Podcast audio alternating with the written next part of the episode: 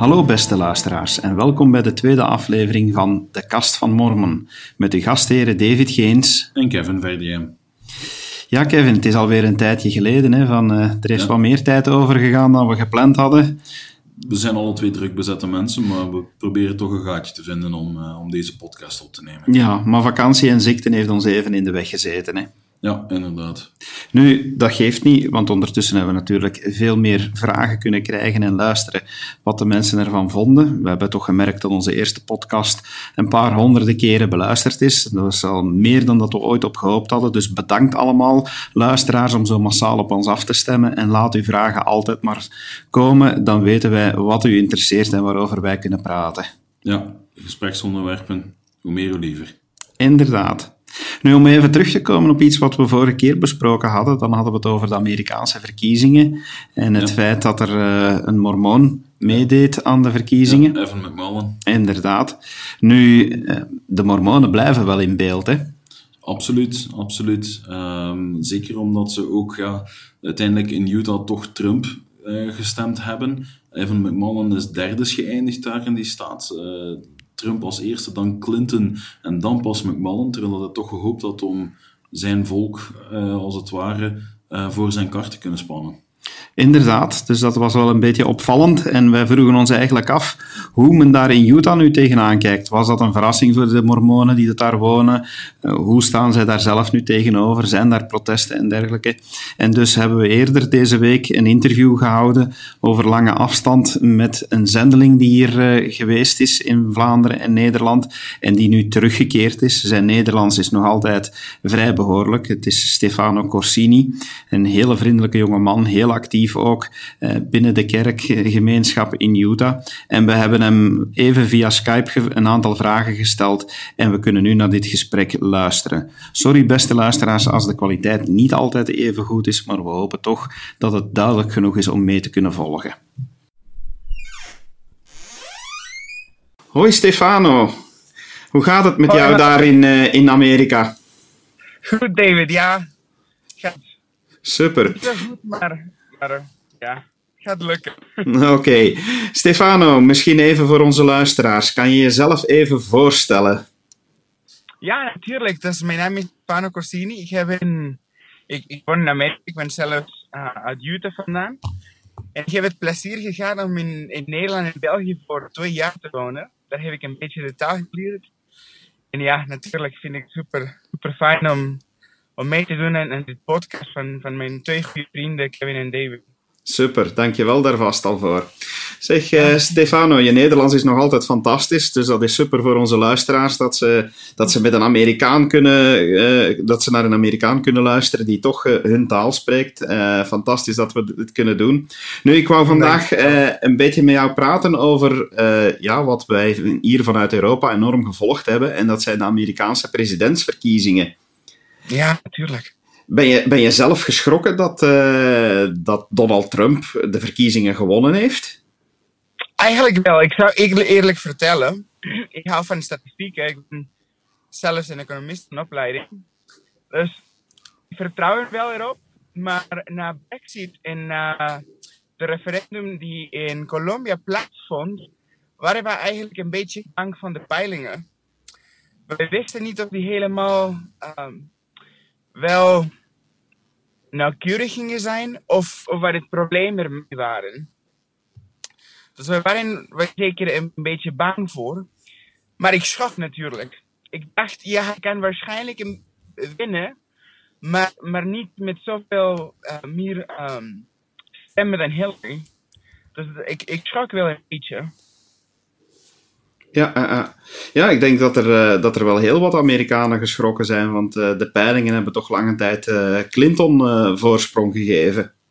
Ja, natuurlijk. En, en het was een, een 70 procent kans voor haar om te winnen tegen een 30 procent.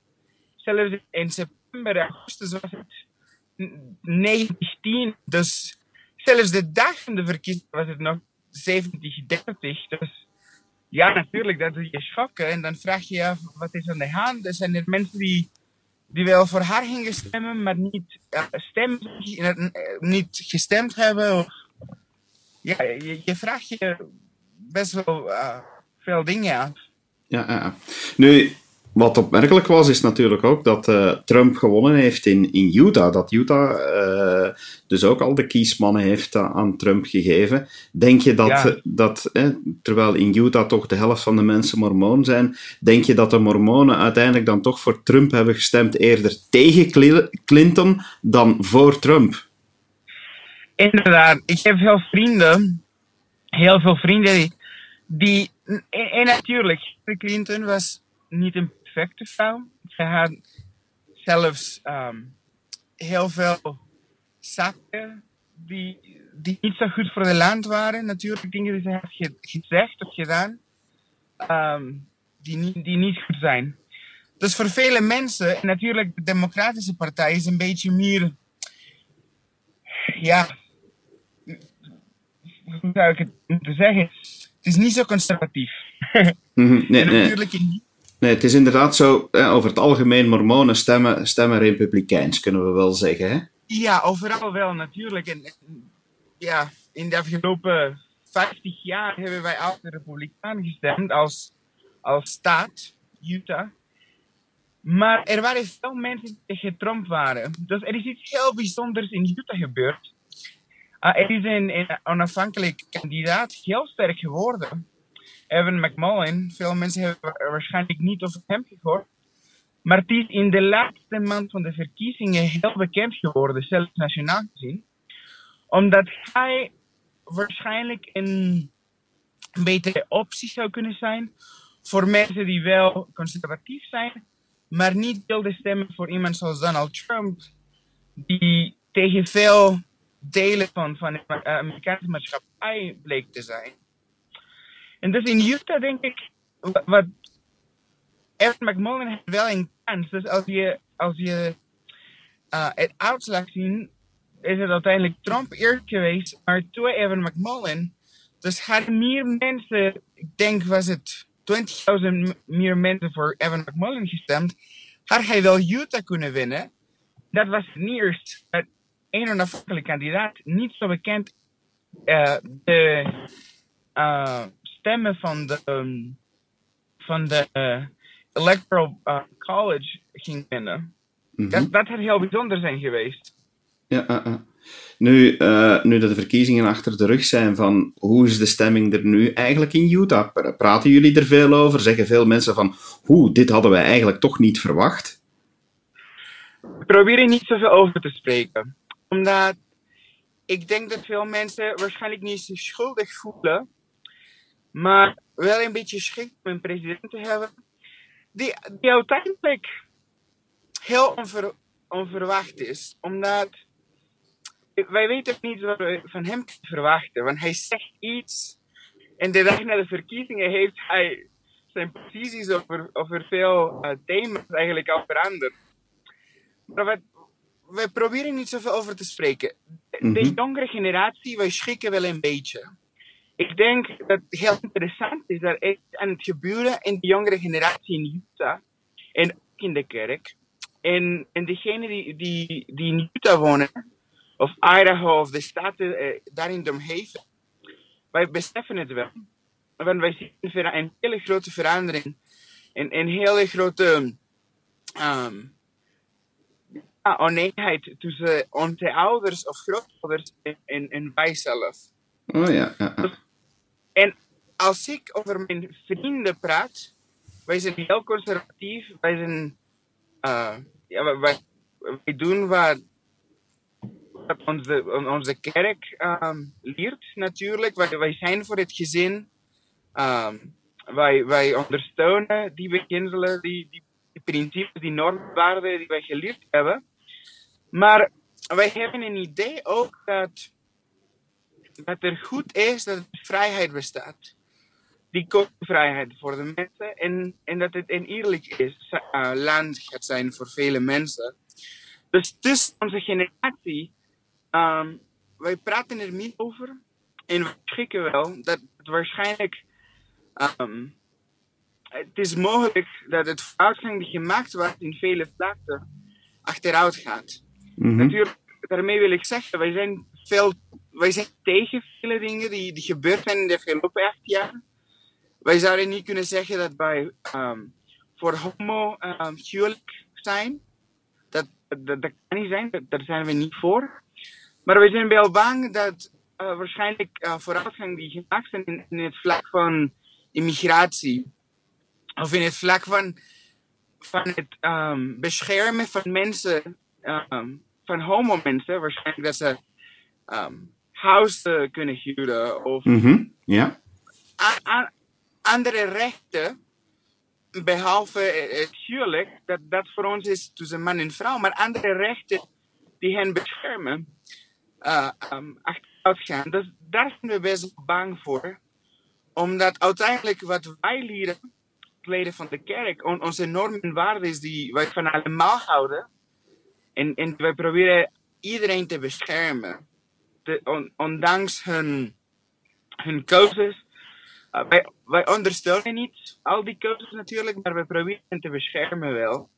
Uh, tegen het kwaad. En, en daar zijn we weer zo bang voor. Ja, ja dat, is, dat is inderdaad van. Dat zal nu nog een vraagstuk zijn wat daar allemaal gebeurt. Van. Hier in Europa horen we de laatste tijd, uh, of de, de laatste dagen, dat er, dat er hier en daar protest zelfs ontstaat tegen Trump. Is, is dat ook al in Utah gebeurd? Zijn daar ook al protesten geweest tegen Trump? Ja, dat is, dat is heel bijzonder eigenlijk. Dus ik ben zelfs afgenodigd naar een van hen. Ik weet niet zo van die dingen. maar Vooral omdat het betekent veel te lopen door de stad en dat doe ik niet graag.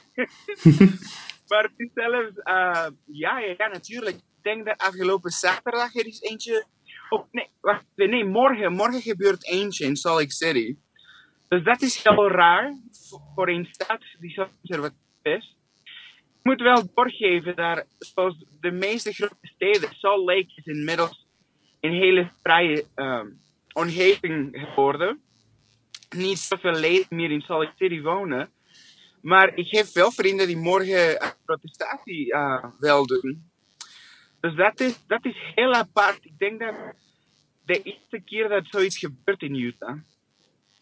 Het is natuurlijk wel fantastisch uiteindelijk dat, uh, dat de Verenigde Staten land blijven waar de vrijheid bestaat, dat, uh, dat de burgers toch een protest kunnen uiten tegen een pas verkozen president. Het is een vrijheid die, die er gelukkig uh, daar wel is en die spijtig genoeg in heel veel andere landen niet te vinden is. Dus dat, is, dat is wel een pluspunt dat dit, dat dit nog altijd mogelijk is, vind ik, in de Verenigde Staten.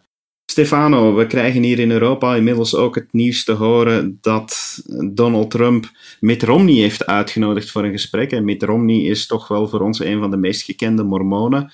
Hij heeft vier jaar geleden namens de Republikeinse Partij het opgenomen als presidentskandidaat tegen Obama. En hier gaan de media, in de media gaan de geruchten dat Mitt Romney wel eens zou kunnen gevraagd worden als Secretary of State, wat wij hier de minister van Buitenlandse Zaken noemen. Is daar ook veel over terug te vinden in de Amerikaanse media? Spreken jullie daarover in Utah? Ja, natuurlijk, David. Ik heb zelfs gisteren in de Wall Street Journal gelezen over die uitnodiging. En waarschijnlijk uh, iets heel interessants is. Me meestal, de meeste presidenten in de afgelopen 20, 30 jaar, drie dagen na de verkiezingen, hadden al een team.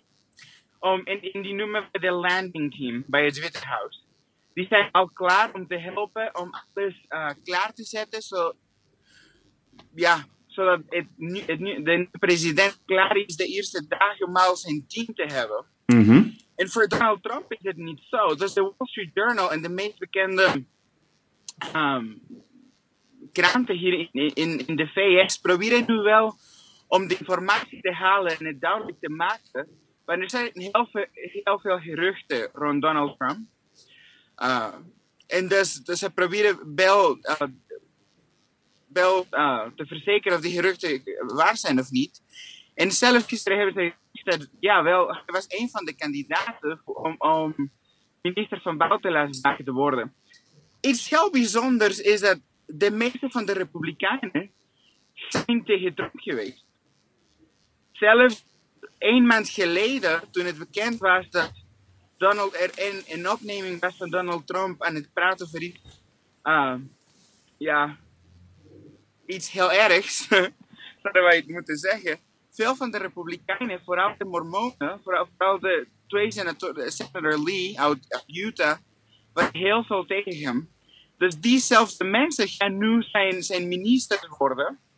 Wij weten het wel, die, die Mitt Romney heel veel uh, heeft uitgesproken tegen Donald Trump. Dus het zou heel interessant zijn of die um, ja, overeen kunnen komen over, over, vele, over vele zaken. Maar het zou geweldig zijn om een man zoals Mitt Romney, die, die in het buitenland heeft gewoond, in Frankrijk, die, die, die wel een, een liefde heeft voor, voor de Europese mensen en voor veel andere landen, minister van Buitenlandse Zaken te zijn.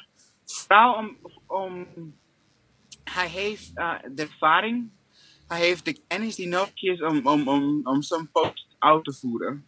Ja, ja, we zullen moeten afwachten natuurlijk. Van, ik denk dat het spannende tijden zijn om in Amerika te wonen, Stefano. Van, uh, dat er nog de komende weken heel veel duidelijk zal moeten worden. Uh, we willen jou bedanken voor, uh, voor dit gesprek. Om toch even wat toelichting te geven hoe, hoe daar in Utah nu alles beleefd wordt. En ja, we hopen dat, dat natuurlijk alles in orde komt. En dat jullie nieuwe president toch wel zal blijk geven van, van enige staatszin. Uh, Stefano, heel hartelijk dank voor dit gesprek en hopelijk tot een volgende keer. Ah, graag en bedankt voor de uitnodiging natuurlijk. Oké, okay, dag. Dag. Dat was een interessant interview, vond je ook niet, Kevin? Absoluut. Hij um, geeft mooi het beeld weer. Hij blijft ook heel neutraal.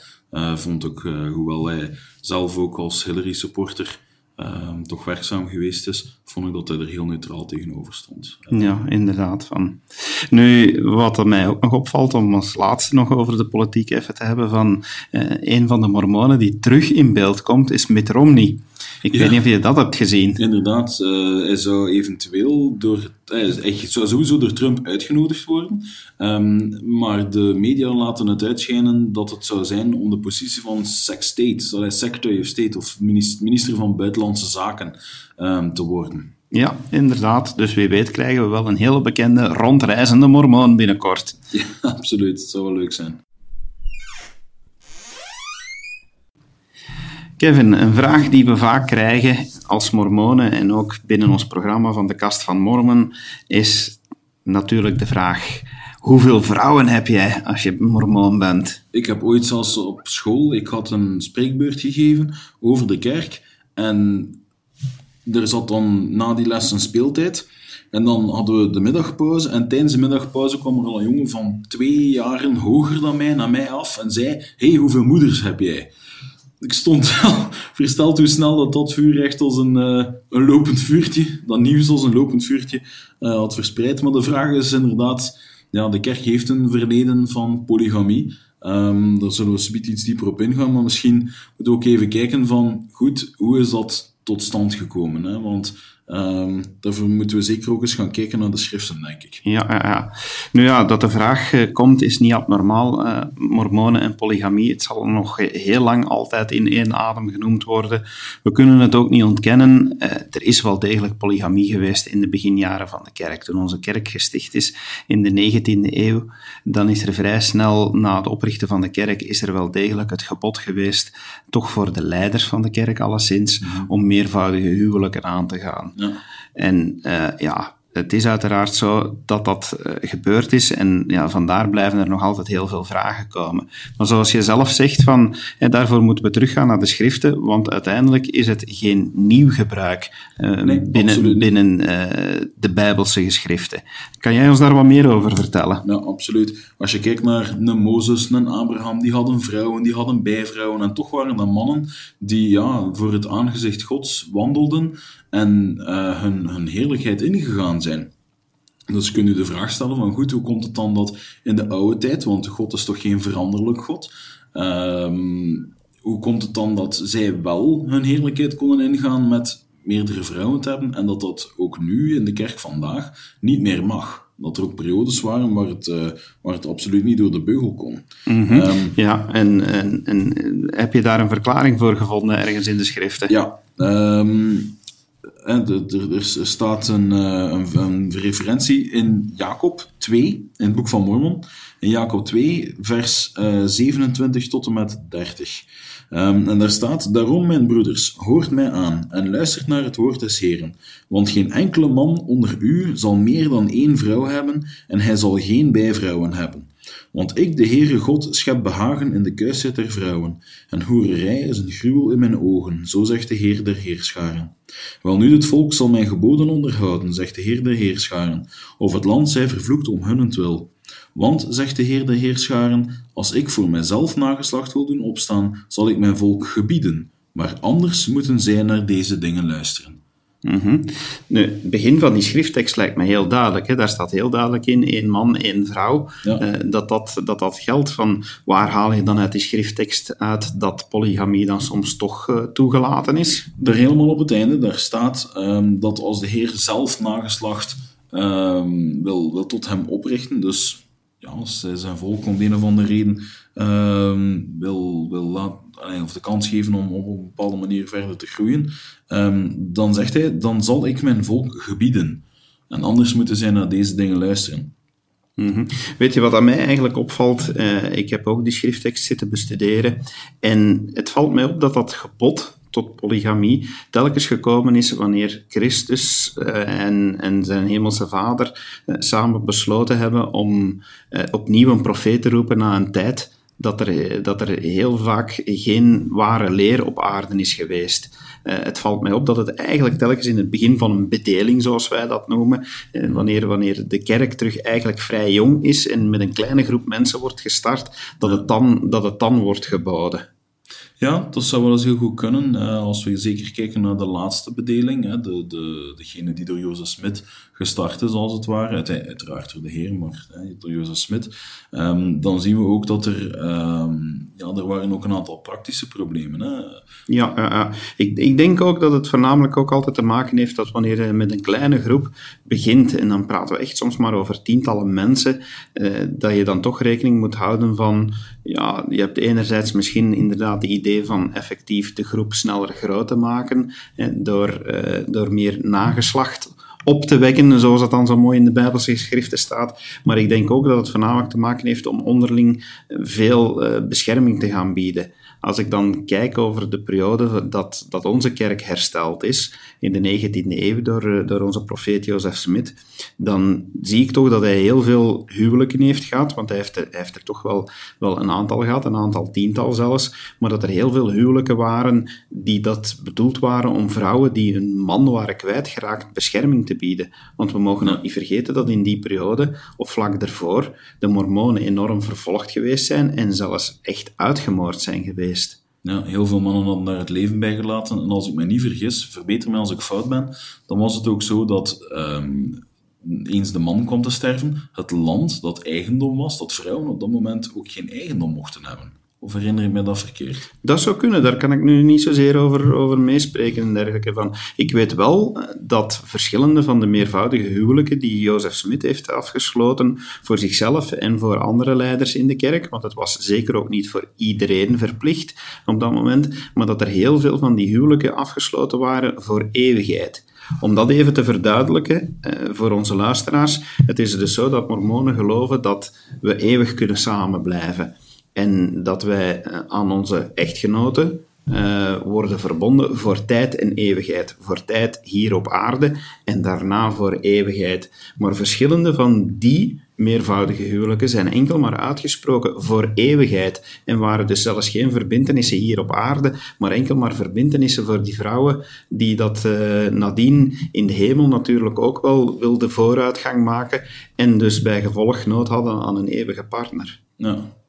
Ja, dat, was, dat is iets dat ik, dat ik niet wist. Wel, dat is zo een van de dingen die mij opgevallen is toen ik dit onderwerp aan het onderzoeken was voor deze podcast. Dat uh, dat, dat toch uh, naar boven kwam in verschillende van, van die onderzoeken die er, die er naar gedaan zijn. Nu, hoe dan ook, het is een feit, er is polygamie geweest in onze kerk, maar het is wel duidelijk verleden tijd. Ja, absoluut.